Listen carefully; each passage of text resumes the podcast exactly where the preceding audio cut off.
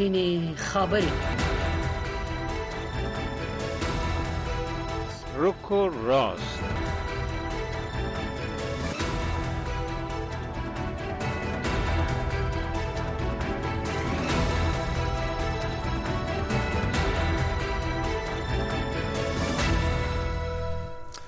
شنوندگان عزیز سلام. شب همه شما بخیر. همکارم سید سلیمان آشنا و من حفیظ آصفی. خوشحال هستیم با تقدیم برنامه رک راست. سپین خبر امشب با شما هستیم. زم په نوبت خپل سلامونه وړاندې کوم. مننه د اسفي صاحب نه چې نن پروګرام کې بیا هم ما سره ده. ټول اوریدونکو ته سلام. یو درناوی منګ نن په دې غږی ګو چې نړیواله مؤسسوي په افغانستان کې د بشري مرستو لپاره دوی په بودیجه کې کمښت لري او هغه اندازه چې دوی غوښتلې و بيخي کم ورته تر اوسه رسیدلې ده. اساسا پښتنه دا چې ولې د افغانستان سره د نړیوالې ټولنې په مرستو کې کمې راغله ده.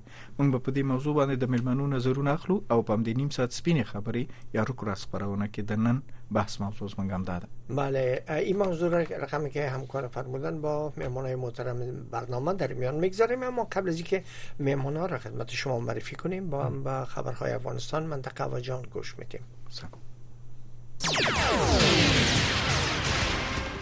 السلام علیکم درنو اوریدونکو. ستړي مشي زه زیبا خادم یم د امریکا غږ. آشنا رادیو خبرونه ده. د نړۍ د دې ساعت خبرونو ته اساس پام را اړم د ملګرو ملتونو د بشري مرستو د انسجام ادارې اوچا په 2023م کال کې په افغانستان کې د خپل پروګرامونو د ادامې لپاره د نړیوال ټولنې د بودیجې د کمیدو په حق له اندېښنه څرګنده کړې ده او ویلي دي چې د بودیجې د نشټوالي لامل به ډېر پروګرامونه کم او یا بند شي او چا د مارچ په دریم تاریخ په یو راپور کې ویلي دي چې په افغانستان کې په 2023م کال کې د بشري مرستو د پروګرامونو د ادامې لپاره د نړیوال ټولنې نه سباندې 3 میلیارډ ډالر بودیجه غوښته و خو تر اوسه ورته 8 میلیونه ډالر برابر شوې دي. د راوادارۍ په نوم د بشري حقوقو مدافع ډله ادعا کوي چې طالبانو او ناپیژندل شوو وسلوالو په 2023م کال کې په افغانستان کې په لوی لاس او غیر قانوني ډول خلک وژلي دي. د ډلې چې له هوا د بهر فعالیت کوي د مارش په دویمه د افغانستان د بشر د حقوقو د وضعیت په حق له پر راپورټ کې ویلي دي چې په 2023م کال کې په ټول افغانستان کې د بشري حقوقو د سرغړونو په ترڅ کې لکټر لګه 1500 شپږ کسان وژل شوي او 200 شپږ شپته نور ټپي شوي دي. او دوی د شواهد او اسنادو په اساس دغه قضیه ثبت کړې دي د طالبانو حکومت تر اوسه د دې راپور په حق لسنې دی ویلي خو مخکې د بشري حقوقو په سرغړونو کې لاس درلودل. رد کړی دي. د طالبانو د حکومت د صنعت او سوداګرۍ د وزیر نوریدین عزیزی په مشرۍ د خصوصي سکتور یو هیئت چې خزینه سوداګر هم پکې دي ترکمنستان ته رسیدلې ده د هیئت د مارچ په دویمه د ترکمنستان د سوداګرو او پانګوالو د ټولنې د مشر سره د سوداګرۍ او پانګه اچونې په حق له په دوه اړخیزو اړیکو خبرې کړې دي. خاغلی نوریدین عزیزی اشقابات د روانېدو نه مخکې په کابل کې په هوایي ډګر کې خبريالانو ته ویلي دي چې د 15 خزینه سوداګرو په شمول 250 افغان سوداګر ورسره په دغه سفر کې ملګری دي د طبي پیښو سره د مبارزې لپاره د طالبانو د سرپرست حکومت وزارت ویلي دی چې په تیرو دوه هفتو کې د واورو او بارانونو لکبل لکثر لګه شلته نمړ شوی او سوار لس نور جوړ شوی دی د دې وزارت ویان مولا جانان سائق د مارچ په دویمه مطبوعاتو ته ویل چې د هود د لومړۍ نیټې نه تر 12 نیټې پورې په سوار لس ولایتونو کې د بارانونو او واورو د وریدو لامل د کورونو د نړیدو او د سیلاونو د جاری کېدو په پیښو کې سلور دشتنه تلف شوی سلور سو دو پنځوس کورونه نړیدلی او لکتر لګه 253 سروي مړ شوی دي. د سیمه او نړۍ خبرونه د امریکا غږ آشنا رادیو د واشنگټن د استودیو نه اوري.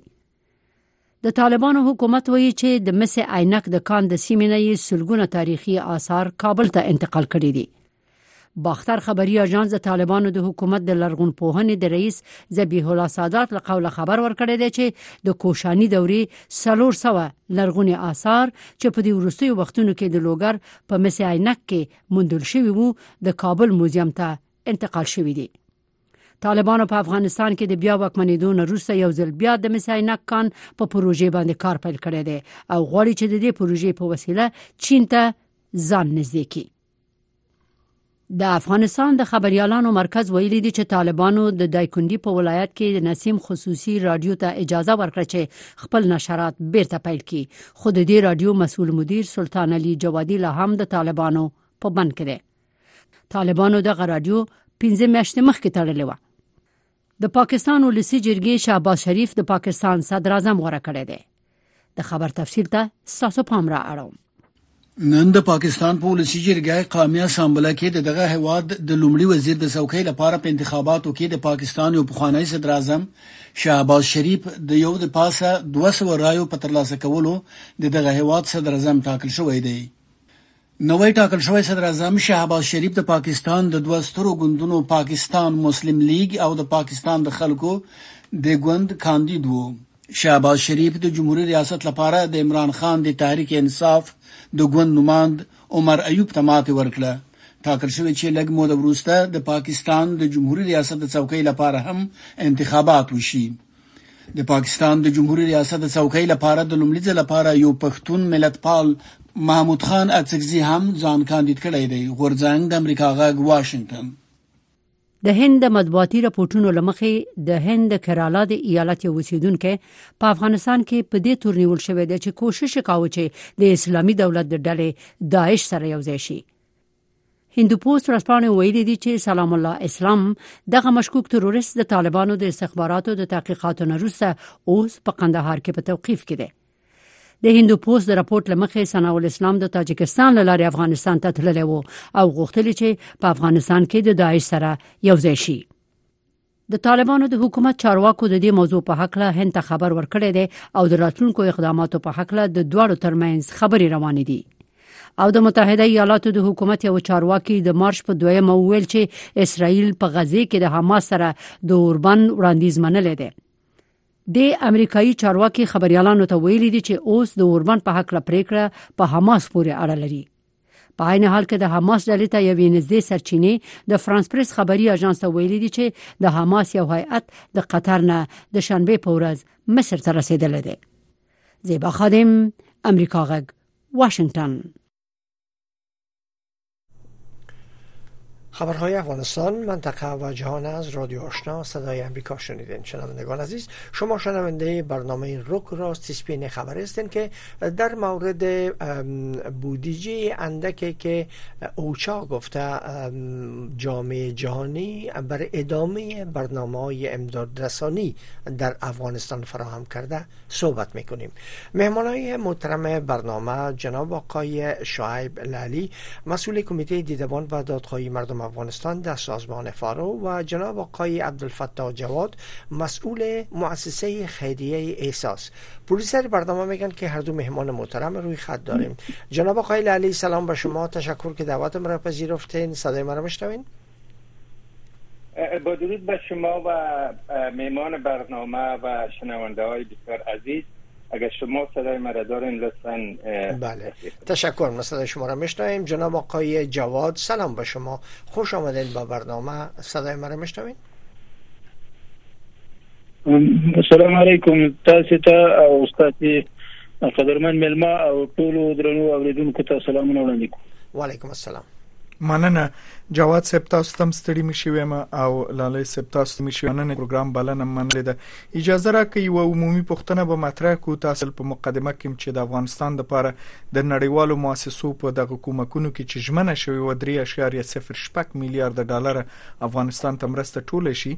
دوی وی چې اوس یوازې وات یا میلیونه ډالر ټوله ده چې دا په فیصدي کې ډیره کمه ده. نظر ته چې 2040 کال لپاره حکومتونو ته مد نظر نیول شوی اساسا یو پوښتنه به دا وکړو جواد صاحب تاسو نه چون تاسو د افغانستان نږدې حالات ګوري څاري او تقریبا خیریه فعالیتونه هم کوي کارونه کوي تاسو په نظر ولې دغه بیرونی مرستې کم شولې؟ یا ژمنه چې شوی و هغه سي په ژمنه پوره نشوله د د به علت څه تاسو په باور؟ بسم الله الرحمن الرحیم. دا خبر واقعیت دا چې کله چې ما واورید ماته ډیر دورون کې او د افغانستان ټول ملت په داسې حال کې چې موږ افغانستان کې د حکومت سره داسې حکومت نړیوال سره نړیواله پرسنیت نه پیژني او تعامل ام نو ور سره کوي نو په دې سبب باندې زموږ ملت ډیرو اقتصادي مشکلات سره مخ ده. نو دا چې وخت کې د دغه حکومتونو امبوت یا کمیدل دا یو یو یو مرګونه خبر دی یو خطرناک خبر دی چې موږ خلک اوري. او طبعا به ډیر بد تاثیر او بد اغیزه ولري. دا چې علت ته کېدل شي ممکن نړۍ غواړي چې لاندې طریقه د افغانستان په حکومت باندې فشار وارد کړي ترڅو وې سره په هر شرط کې وي تعامل ته حاضر شي څو وخت مخکې په خطر کې غونډه لیدل چې ملګرو ملتونو تر سرپرستی لاندې جوړه شوی او په وو کې د مختلفو هیوادونو استازو ګډون کړی وو د افغانستان حکومت د خپل دلایل په بنیاد باندې حالته حاضر نشو نو طبعا نړیواله ټولنه بوس دا د مرستو کمول او یا په کچه چې ضرورت ورته نه ورکول دا ممکن د یو فشار په توګه باندې د افغانستان په حکومت باندې واردوي.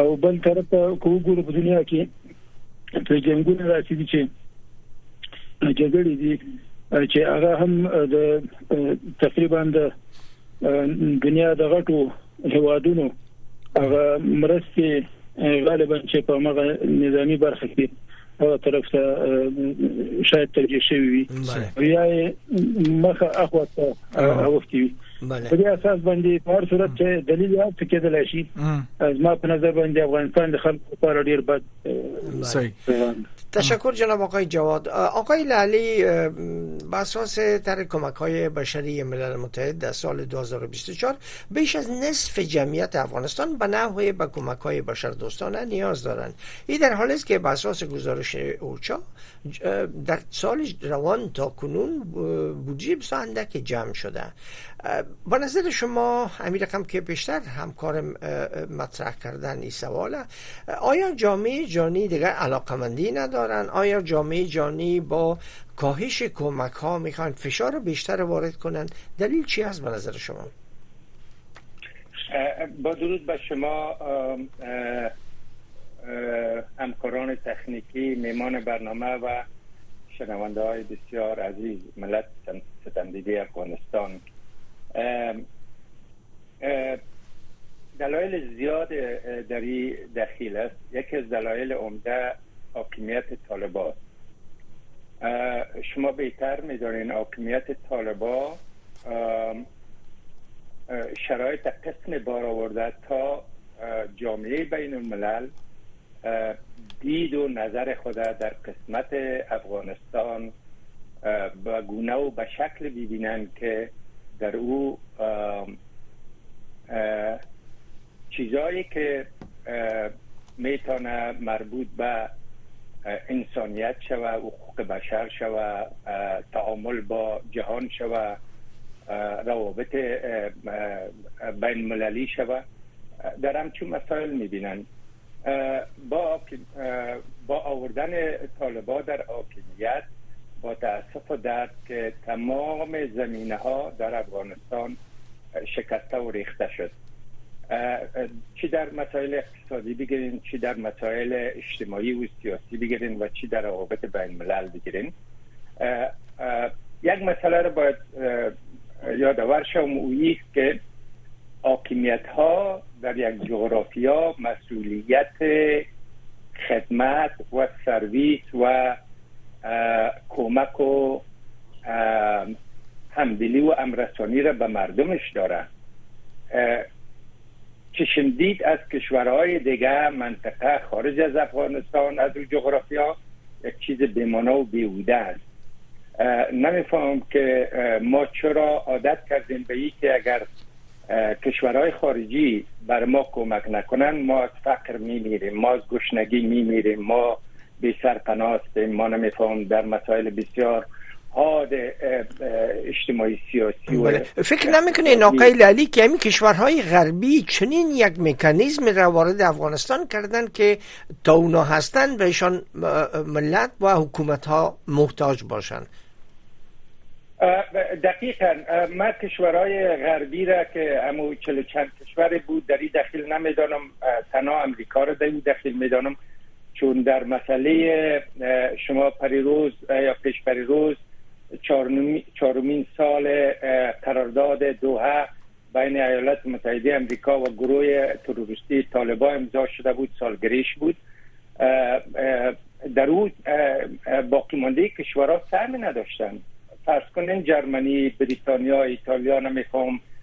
کشورهای کوچک را که امریکا مجبور ساخته بود که 50 60 نفر اسکر در اونجا پیاده بکنه. چی سهم داشت؟ هیچ سهم نداشت. هر چی بود امریکا بود. لذا تمام بار مسئولیت به دوش امریکا امریکا آنچه را که خودش در 2001 و پس از حملهش در 7 اکتبر در افغانستان با آوردن کرزی و گروه نابکار و فساد پیشه و تروریست در افغانستان پیاده کرد. این تعویز کرد. چون مخارجش زیاد بود برش. نمی سرفید و طالبا یگانه الटरनेटیو بود که با خرج 45 میلیون دلار در هفته می‌تونستی اما نیازها و خواستای امریکا رو در منطقه برآورده بکنه لذا با آوردن طالبا در منطقه در افغانستان تانست که آنچه را که امریکا می‌خواست به اصطلاح پیاده بکنه. اگر نمی‌خواست امریکا که طالبا را به اصطلاح حفاظت حمایت بکنه چرا هفته 5 میلیون دلار برشون میدن؟ من نفهم. یک سوال بسیار دست در مقابل افغانستان مردم افغانستان. بله اجازه ده بفرمایئ لاله سبي وضاحت د لپاره معلومات ورکو اوریدونکو تم چې تاسو امریکا ملامتوي اما د معلوماتو په اساس د 2001 نه وروسته چې امریکا په مشرۍ باندې ائتلافي قواوې افغانستان ته لاړې په تیرو شلو کالو کې په میلیارډونو ډالر په افغانستان کې مصرف دي او د لیست مخینه چې د ادارې د جوړولو ننیولې تر ظرفیتونو تربیه روزنه پوري او په باسازي کې تقریبا د افغانستان القوي سرک چې یو تر ټولو مهم او چې شپږ زره شپږ نیم زره کیلومتر سرک په ټول افغانستان کې جوړ شو. د امریکا په لګښتونو او د امریکا د پرختیايي ادارې د خوانو. د صحت په برخه کې تقریبا په سهونه میلیونه ډالر او چې هغه کې د مور او د ماشوم د مړینې کچه د 15% نه تر 15% ته ټیټه شوله. ډاکټران نرسان وروزل شو نور متخصصین وروزل شو. اکثرا Fulbright یا په علمي لوړو تحصیلاتو د پاره امریکای ته راغلل. نورو ځایونو ته هیوادونو ته ولېګل شو ولایتونو کې ټولي ولسوالۍ تقریبا د مرکزونو سره وصل شولې. د PRT ټیمونو په نامه باندې د زراعتي پروګرامونو کې سهم واخستو ابياري سیستم فعال کو وزارت زراعت سره ډیر د کومکونه وشول نو داسې کلست واخلو ډیر زیات افغانستان کې کومکونه کړي. کرا شو دی اوس وخت چې کله نوې رژیم راغی د 2021 اگست میاشتې وروسته لوړترینه مرسته چې تر اوسه کړې ده نقد پیسو نه نیول تر امدادو پورې. 3 میلیارډ ته شمیر رسیدي چې د یوازې امریکا کړې ده نور هیڅ هیواد تر سره کومک نه دی کړی. او مستقیما خلکو ستای رسولې دي اکثر مرستې. دا چار ډول دلیل یا لکه سفی صاحب چې پښتنه وکړل چې آیا ساختار د سیو چې د ملک پاتیو هغه یو دلیل د امریکا حکومت دا ویل چې د افغانستان حکومت کې فساد په خپل اوج کې مونږ چې به قراردادونه ورکول اغلا کېدل هم دی وجه نه غټرین کسان چې د پارلمان رئیس او د زوی باندې تحریمونه هم په دې ورستیو کې ولګول. پر صورت د وضاحت د پر معلومات ورکړل چې اوریدونکو چې د امریکا د حکومت استاد موږ سره نشته چې دغه ادعا دفاع وکړي موږ د عمومي معلومات دلته شریکو جواد صاحب زه تاسو نه یو پوښتنه لرم. د بشري حقوقو څار سازمان د همدغه کومکونو چې کمیږي یو شدیده اندېښنه څرګنده کړې. دوی وایي چې چیرته دغه ډونران یا مرسته کوونکي هیوادونه خپل کومک کم کړي دا په افغانستان کې د صحت په برخه کې لوی ضربه راوړي افغانانو ته او اقتصاد نورم بې ثباته کوي او ډیر امکان شته چې د خوراکي موادو لوی کمښت راشي چې یو سوی تغذیه ماشومان او حتی خورزواکي رامنځته شي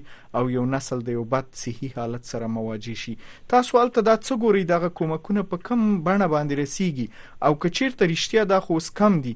بدیل لارې تاسو سره څه شته چې دفتن حاکمیت څه وکي خلک څه وکي د څه کم لارې نظر لري چې وړاندې کوي مهرباني فکر کوم چې موږ چې اوس موجوده حالات وګورو په افغانستان کې همدغه وضعیت نږدې شوی یو. یعنی موږ په ډیرو ولایتونو کې چې معلومات کړي دي خلک د خورو ته کافي خورو ته لاسرسي نه لري او خلک په اصطلاح د ماشومان د خوارځواکي سره یا سوی تغذیه سره مخ دي. او د مختلفو امراض او ناروغیو سبب ګرځېدلي دي. په افغانستان کې په موجوده شرایطو کې چې تجارت هم په هغه باندې نه ده چې کوم کې خای د افغانستان د خلکو سرمایې بهر ته لیږدول شوې دي یا بهر ته وتلې دي. نو دا د نړیوالو مرستې په دغه شکل باندې چې هغه د ملل متحد یا د ملګرو ملتونو لخوا افغانستان ته واردېدلې واقع ده چې د افغانستان د دغه موجوده وضعیت سره ډیر کومک کوي حتی که زه وایم چې همدا د مرستو په هر هفته کې دغه چې د مرستو راتګ د افغاني په ثبات کې د خارجي اثر په مقابل کې د افغاني په ثبات باندې مثبت تاثیر درلود دا ویره بالکل په ځای ده چې افغانستان کې کدا چې د مرستې کمی شي افغانستان کې یو موږ بحران طرف ته تللی شو افغانان خاصه ماشومان د سوی تغذی په هغه باندې افتکی دا اوس د ډیر ولایتونو معلومات لرم. لکه غور او باریس هرات حتی پنځیر چې الته د دې وسنیو موجوده د اوسه د کومي واوري ورېدلې دي موجوده حالاتو کې خلکو خپل مال مواشي خپل څاروي د لاس ورکړي دي. یعنی په بادغیس کې رمي لمنځه تللي دي. تقریبا موږ سره یو لیست چې د بادغیس د زراعت ریاست موږ سره شریک کړی. جواد صاحب دا د معلومات د معلومات تقریبا عمومي شوی دي د زیانونو دا ده یو پښتنه هم دغه برخه کې کوم مبخي خبرې په ګل بدلې. دغه د طالبانو حکومت چې په د 100 میلیارډ افغانۍ راټولې عاید لري د قراردادونو د مادنونو چې کوي او اعلان کوي چې 1.5 میلیارډ قرارداد او شودا د 10 میلیون او 50 میلیون بانک ته داخله کړي چې هغه به څو کالي اما عواید ټولې وي چې موږ یو هبه مالیه یا اوشر نه پریدو خلکو ته. او دا ټول مرکزی بانک ته راوړي. دوی نو څه مسولیت لري؟ ولې دغه کومکونو ته دوی خلک نه رسیږي؟ لکه موږ ولید ولیدل چې د هرات زلزلہ کې تر ټولو نه زیات بیرونی میشتو افغانانو او خارجي مؤسساتو مداخله وکړه ځان ورسو اما خپل حاکمیت خو امکانات لري ځنې پیسې خو ستري ډېری پیسې ټولې کړې دي.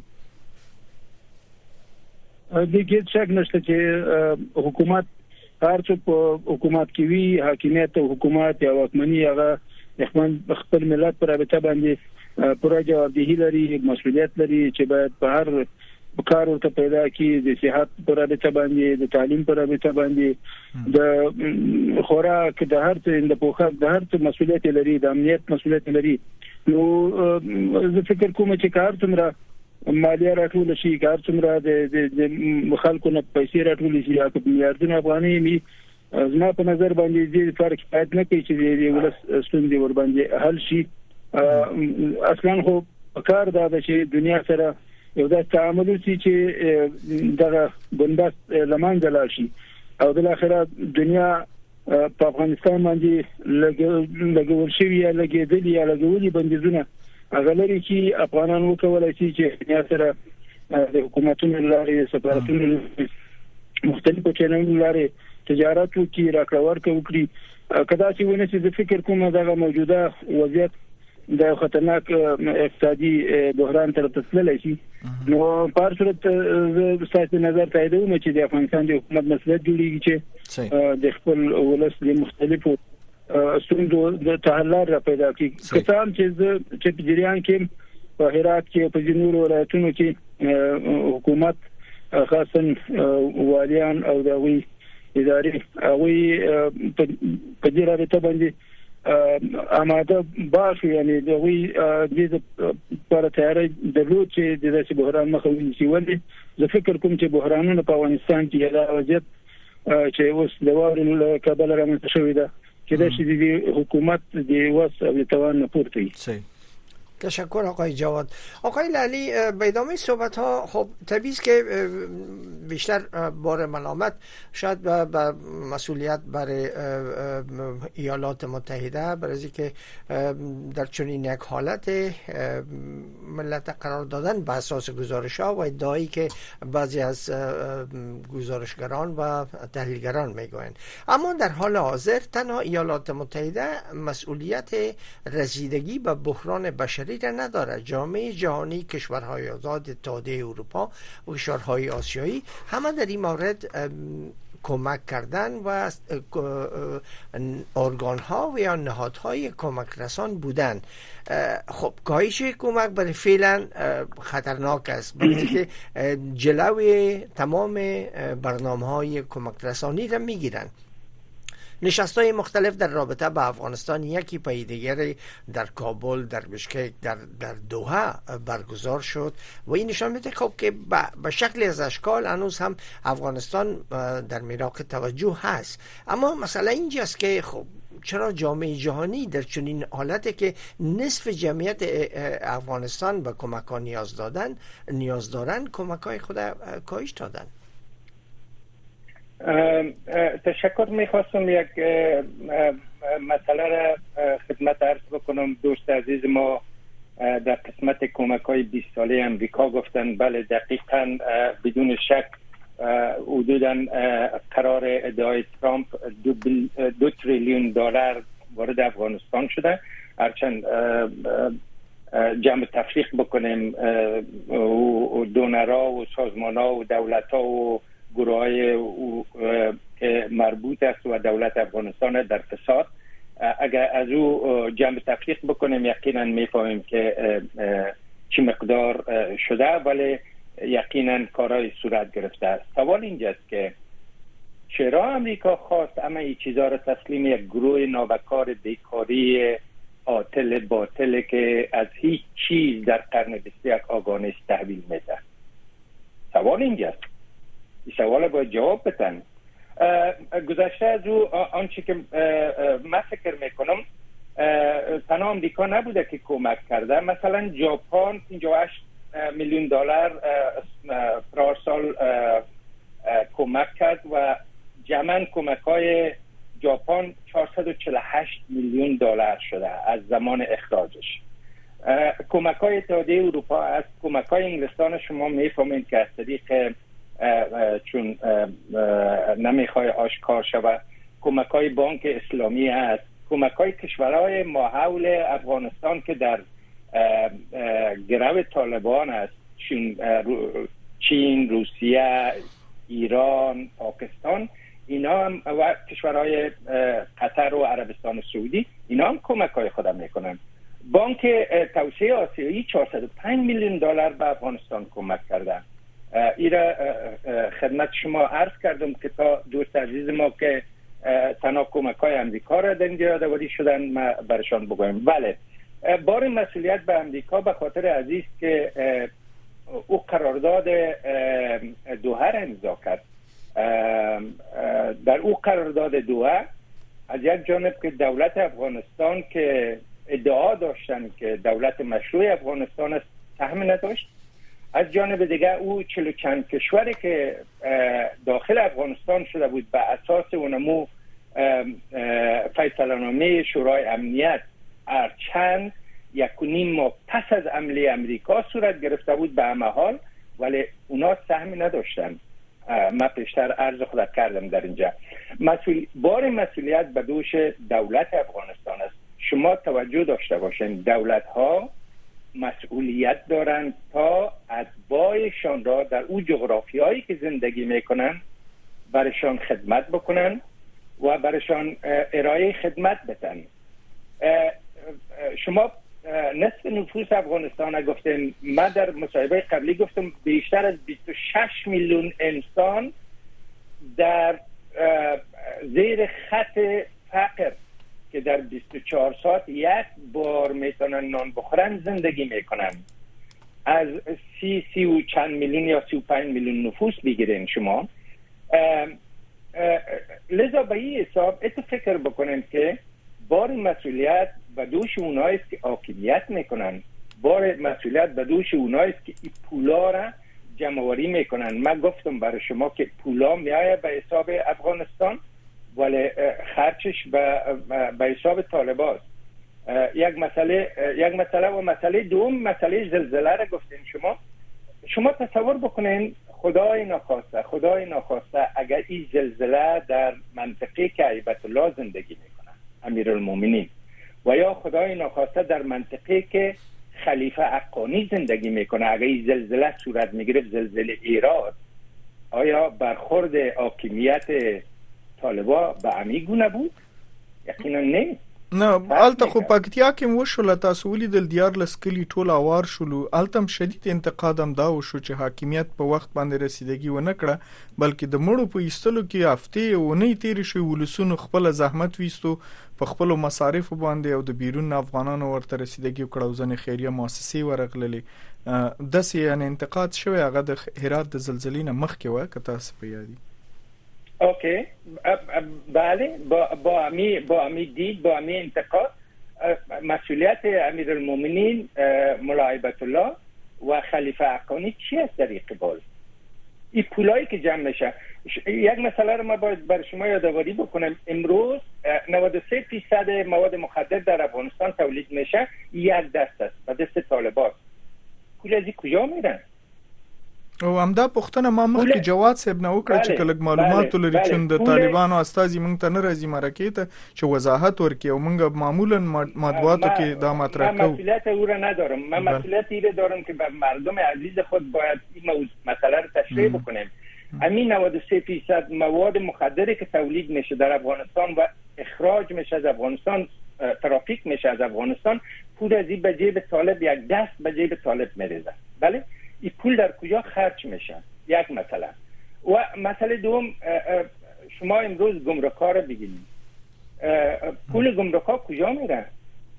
ما شنیدیم چند روز پیش کمک به مدرسه اقانی پاکستان میشه. این بسیار بسیار خنده آور است و بسیار کار رزینانه است که مردم افغانستان در فقر زندگی می‌کنن و اینا کوشش می‌کنن پول افغانستان برای او مدرسه که خارج از جغرافیای افغانستان کمک می‌کنن تا اونا به اصطلاح قناعتشان فراهم بکنن در صورت آقای لالی رقمی که در گذشته هم گفته می‌شد در رژیم های قبلی در رژیم جمهوریت و فعلی مثلا مسئولیت برمیگرده مطمئنا به حکومت و کسایی که حکومت به پیش می‌برند. برای که در گذشته هم پولی که چنان فساد بر افغانستان به اساس گزارش ها حکم فرما بود که مردم عام از سود نمی بردن از پول گمرک ها اوایدی که شما از نام بردن و فرمودن.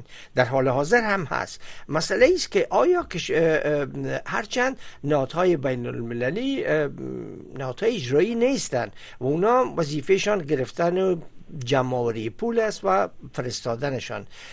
جنجال اینجاست که در یک بنبست قرار گرفتن که اونا هم نمی‌تونن مستقیما برای مردم عملا برسانن و خب حکومت بالاخره به شکل از اشکال حکومتی که فعلا بر سر قدرت هست حکومت طالبان در این مسئله دست داره و قربانی باز هم ملت است.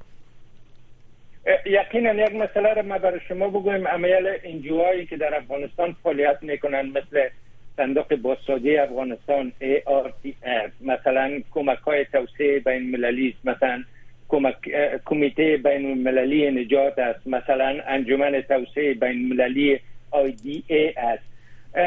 شما تصور بکنین اینا با ارتباطات که با دولت های غربی دارن و از اونا فند می‌گیرن و این فند باید در افغانستان پیاده بکنن. فسادی که در دولت افغانستان در چی در دولت جمهوری اسلامی بوده و چی در آل حاضر امارت اسلامی هست.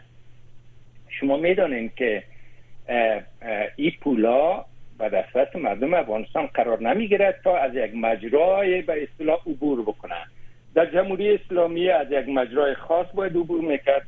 در امارت اسلامی هم همچنین است. شما اخبار شما از رادیوی شما از تلویزیون های شما میشنوم که همیشه این مسئله را پاش می‌کنیم که طالبا فشار میاره برای این ها تا او پول به دسترس طالبا قرار بگیره و او تقسیم شود بر مردم.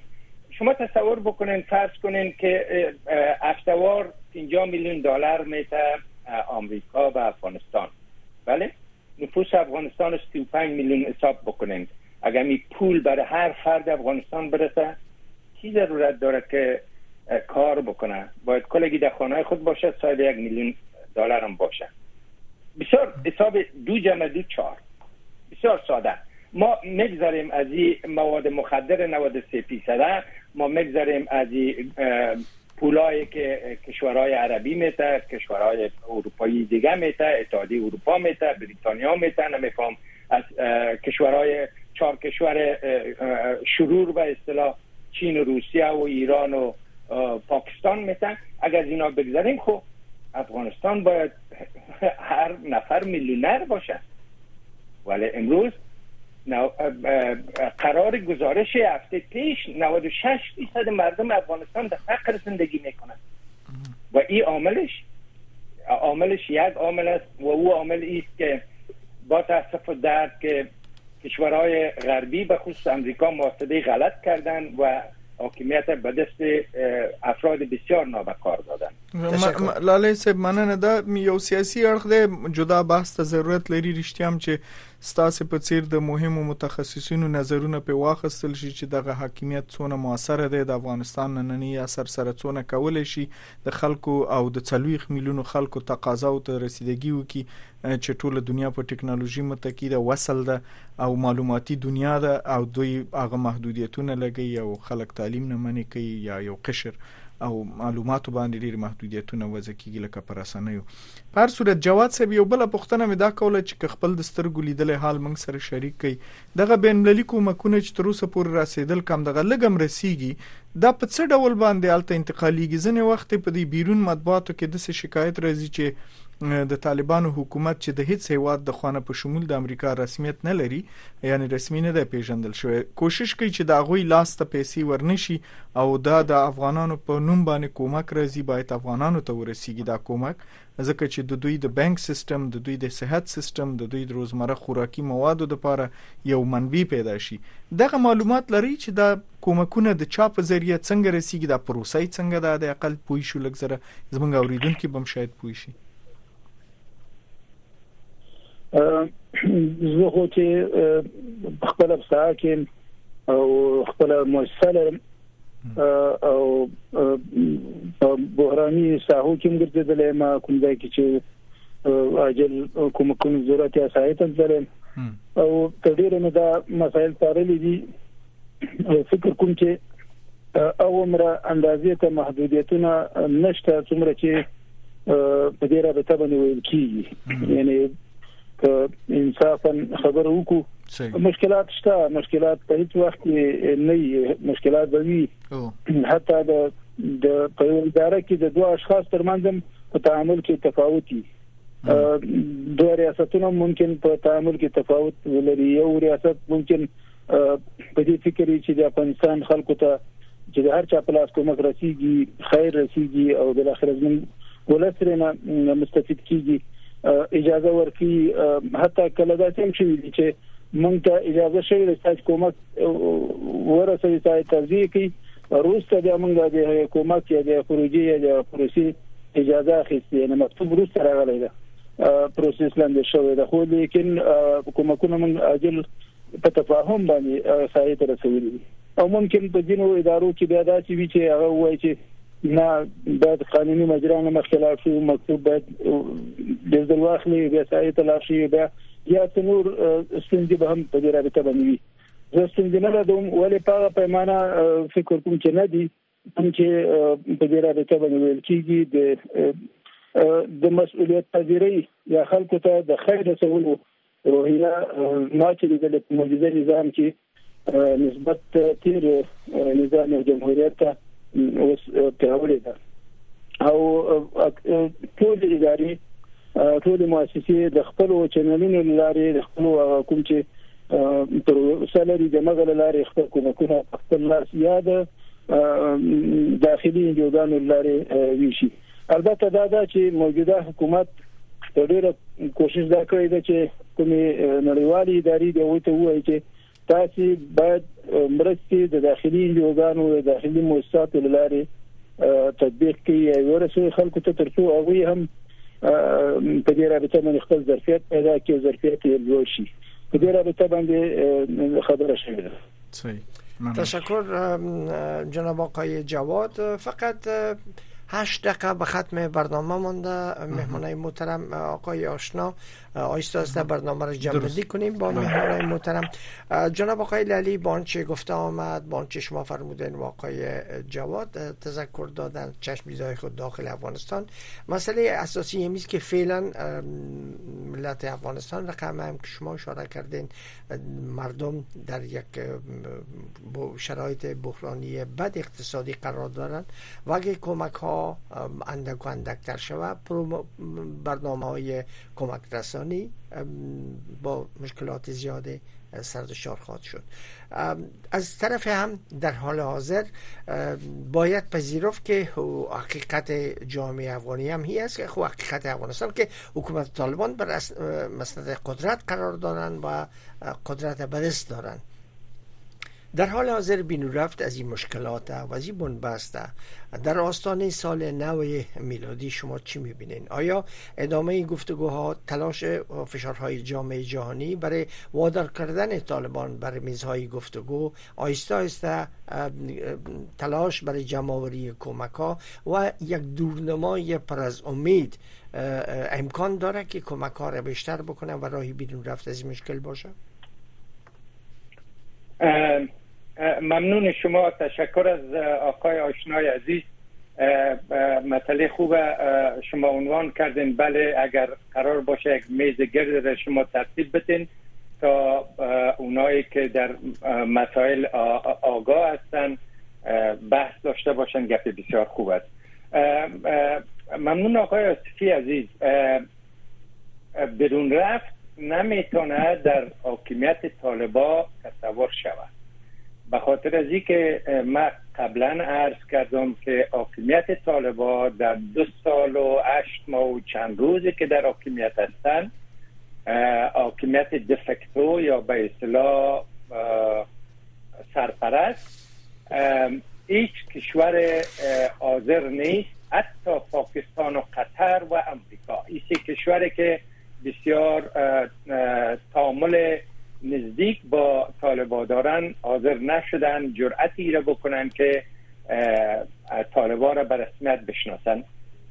از, از لحاظ روابط بین الملل اشتباه طالبا در ای بود که در کنفرانس قبلی شرکت نکردن. ارگاه شرکت می‌کردن شاید سوالای مطرح می‌شد تا اونا بتانن جواب بتن و یا هم بتانه زمینه برشان مساعد می‌شد تا این کشورها به اصطلاح به نوی متقاعد می‌شد تا مسئله رسمیت شناختن از اینا را مطرح می‌کرد. چون اینا در مسائل سیاسی در روابط بین الملل ناآگاه هستند و فقط همه چیز در آینک دودی دینی قومی می‌بینن به او خاطر است که اشتباهات زیاد را مرتکب میشن رای برون رفت راه برون رفت بر مردم افغانستان است که حاکمیت خودشان به دست بگیره. point اول است. و اگر نتانن که حاکمیت به دست بگیرن ای است که حداقل فشار بالای حاکمیت بیارن تا بتانن این کمکایی که برعکس ادعای شما من میگم کمک ها بیشتر شده بله. این ادعای من بله. برعکس ادعای شما کمک ها بیشتر شده و این کمک ها باید به مردم افغانستان برسه خب وقتی که من میگم کمک ها به اساس این گزارش اوچا بود که دو تذکر دادن که کمک هایی که قرار بود به 3.06 میلیارد دلار پیش بینی شد برسه تا فعلا حدود 87 میلیون دلار جمع آوری شده. این گزارش اوچاست که همین امروز نشر شده. بله من میفهم خب اوچا هم ملاحظات خود دارن. شما متوجه هستین که انجوها هر, هر کدام ملاحظات خود دارن. چند وقت پیش مثلا مسئله نماینده خاص سازمان ملل در امور افغانستان مطرح شد. یوناما یکی از گروهی بود که او را رد کرد. بله. یونامایی که معاونیت سیاسی را در افغانستان داره چرا؟ به خاطر از اینکه منافع از اونا در خطر قرار می‌گیره متوجه هستید؟ لذا این مسائل باید مردم افغانستان درک بکنن اوچا و هر گروه دیگه که من پیشتر بر شما گفتم کمک های توسعه بین المللی کمک های بین مللی، کمیته بین المللی نجات انجمن توسعه بین المللی آی دی ای مثلا صندوق بازسازی افغانستان این و و و و, و, و چند تای دیگه اینا هر کدام دیدگاه خاص خود دارن به خاطر از که من پیشتر عرض کردم این 50 میلیون دلاره که تنها امریکا بر افغانستان میته برای هر فامیل داده شد و افغانستان میلیونر است چرا نمیشه 50 پنس برای هر فامیل نمی‌رسه این دلیل داره دلیلش است که در هم در جامعه بین المللی فساد است و هم در حاکمیت افغانستان فساد است لذا تنها راهش بله. است که حاکمیت تغییر بکنه و حاکمیت به دست مردم قرار بگیره تا بتانن بله. خدمت عرضه بکنم. مننه بنهایت تشکر جناب آقای لالی. لالی صاحب ډیر تشکر. مننه. تاسو نه تاسو سره تقریبا زموږ پروګرام دوه دقیقې نور دي چې دا به د جواد صاحب نظر واخلو. جواد صاحب اوس خو کومکونه هدا اقل کم دي کار څنګه دي؟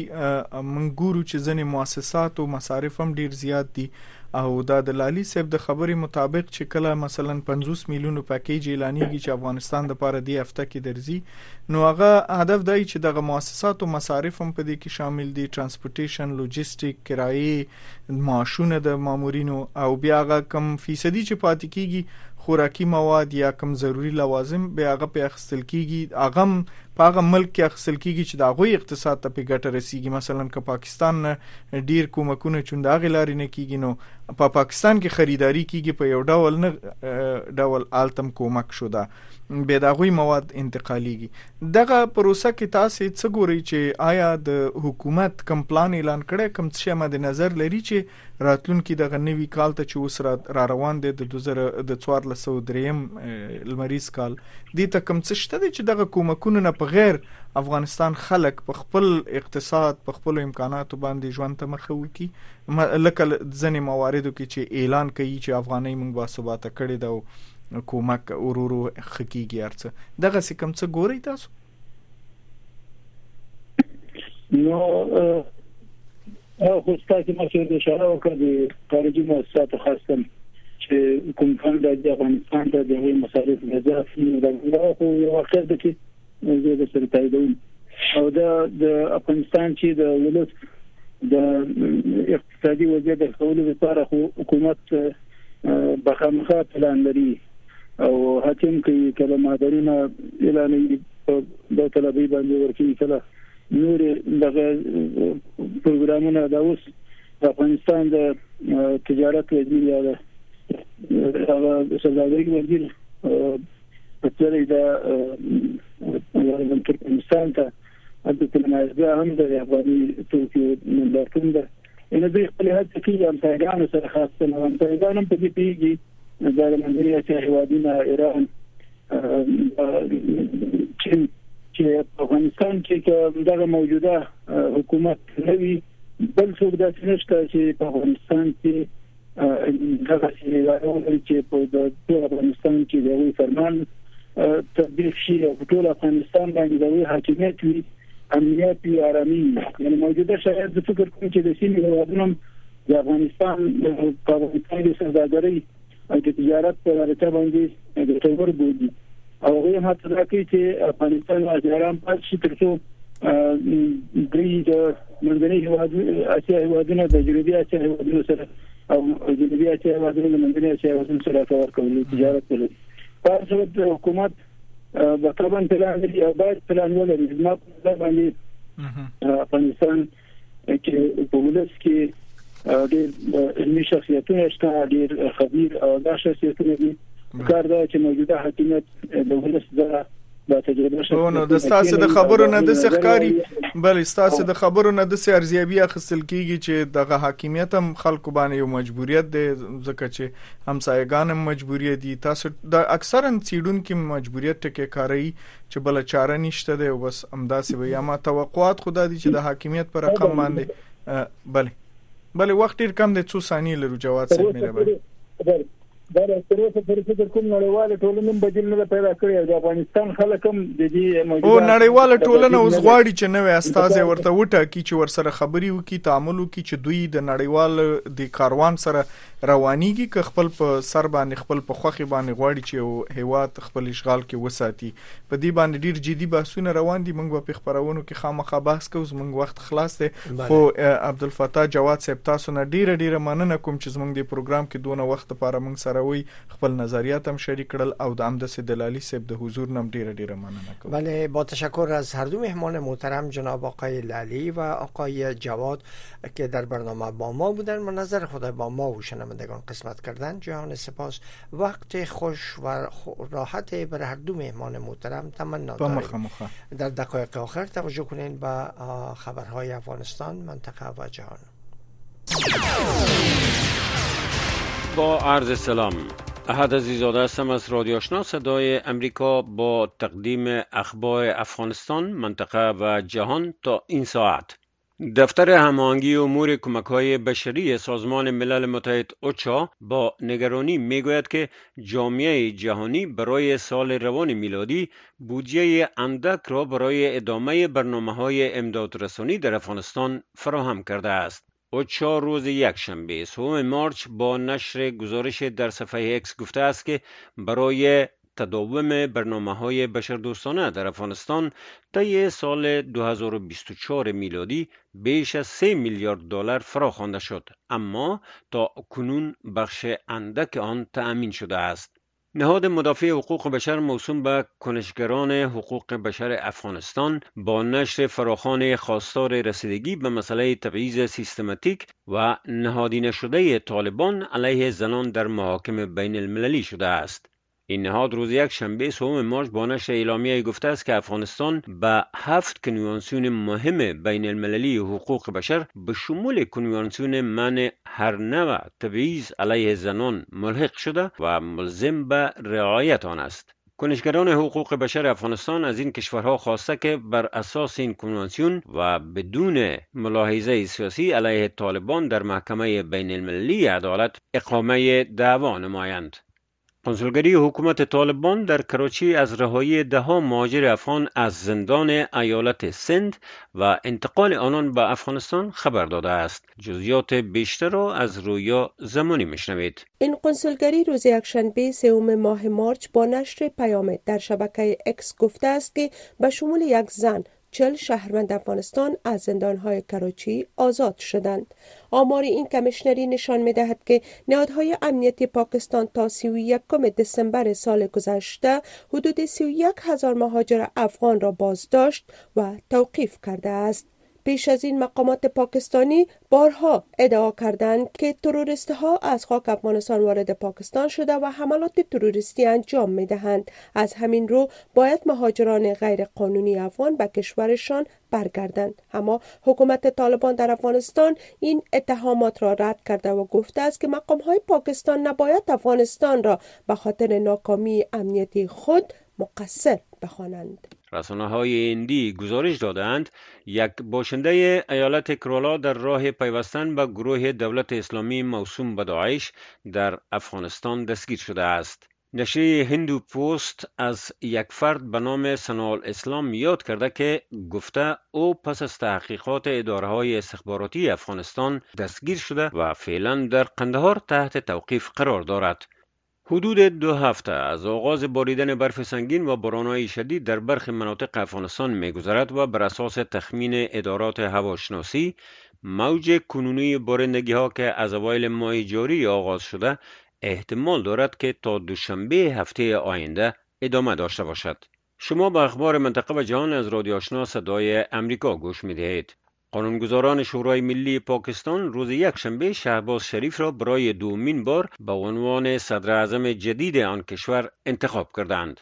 ایاس صادق رئیس مجلس گفت که شریف با کسب 201 رای به این سمت انتخاب شد. پس از چند روز مذاکره حزب مسلم لیگ شریف و حامیانش به دنبال انتخابات هشتم ماه فوریه ائتلاف تشکیل دادند که نتایج آن پس از یک تأخیر غیر معمول به دلیل قطع شدن های همراه در سراسر کشور اعلام شد. به اساس گزارش ها گفته می شود که مشارکت مردم در انتخابات پارلمانی روز جمعه گذشته در ایران که به حیث آزمون در برابر مشروعیت نظام روحانیت در آن کشور تلقی می شود در پایین ترین حد تاریخی آن و بر اساس گزارش های غیر رسمی و به نقل از رسانه های دولتی حدود 41 درصد بوده است. آژانس خبری رویترز گزارش داده است این انتخابات پس از اعتراضات سالهای 2022-2023 ضد رژیم ایران دایر شد که به بدترین نارامی های سیاسی این کشور از انقلاب اسلامی 1979 میلادی تاکنون تبدیل شده و با نامیده های فزاینده در مورد مشکلات اقتصادی در این کشور تحریم شده همراه بود. یک مقام امریکایی روز شنبه دوم مارچ گفت که اسرائیل کم و بیش با پیشنهاد آتشبس شش در نوار غزه موافقت کرده است. این مقام امریکایی که نخواست نامش در گزارش ذکر شود به خبرنگاران گفت که چارچوب یک آتشبس تهیه شده و اسرائیل ها کم و بیش آن را پذیرفتند یک منبع نزدیک به حماس به خبرنگاری فرانس پرس نیز گفته است که هیئت حماس روز شنبه از قطر به مصر رفته تا در مورد این توافق رایزنی کند. حماس توسط ایالات متحده امریکا و اتحادیه اروپا به حیث یک سازمان تروریستی شناخته می شود. اسرائیل هنوز به گونه رسمی تایید نکرده است که طرح آتشبس را پذیرفته است. این در حال است که مسئولان شفاخانه ها و دفاع مدنی غزه گفتند که بیش از سی نفر از جمله زنان و کودکان روز شنبه در جریان حملات به جنوبی ترین شهر غزه رفح و کمپ آوارگان جبالیه در شمال کشته شدند. با گفته خبرنگاران اسوسییتد پرس مراسم تشییع جنازه کشته شدگان صبح یک شنبه سوم مارچ در رفح برگزار شد. دو مقام ایالات متحده گفتند که اردوی امریکا برای اولین بار کمک های بشری را از هوا به غزه پرتاب کرده است. خبرگزاری رویترز روز یک شنبه سوم مارچ گزارش داد که این دو مقام به شرط افشا نشدن نامشان گفتند که این کمک با استفاده از سه تیاره نظامی آن کشور صورت گرفته است. و خبر اخیر هزاران دکتر روز یک شنبه در سیول به جاده ها برآمده و حمایت خود را از دکتران جوانی که نزدیک به دو هفته است به دلیل برنامه حکومت برای افزایش شدید تعداد پذیرش در دانشگاه های تیبی اعتراض کرده اند اعلام کنند. پایان اخبار افغانستان منطقه و جهان تا این ساعت از رادیو آشنا صدای امریکا. تاسو د امریکا غږ آشنا رادیو د مرکزی سټوډیو نه خبرونه واوریدل او د سپینې خبرې یا رک راست پرونه کې بحث چې د افغانستان د بشري مرستو کموالی او هم واوریدو د ملمنو نظریات هم واوریدل تر بلې ونی پورې یا تر بل وخت پورې به خدای سپارو. الله ملشه ز تاسو اجازه اخلم. تشکر برنامه بود داشته های برنامه روک راست سپین خبری که در همینجا به پایان رسید اما نشرات پشتو و دری رادیو آشنا صدای امریکا همچنان ادامه داره برنامه بعدی ما روایت امروز است که همکار ما آقای محمد احمدی رو گردانندگی می‌کنند. شنونده رادیو آشنا باشید.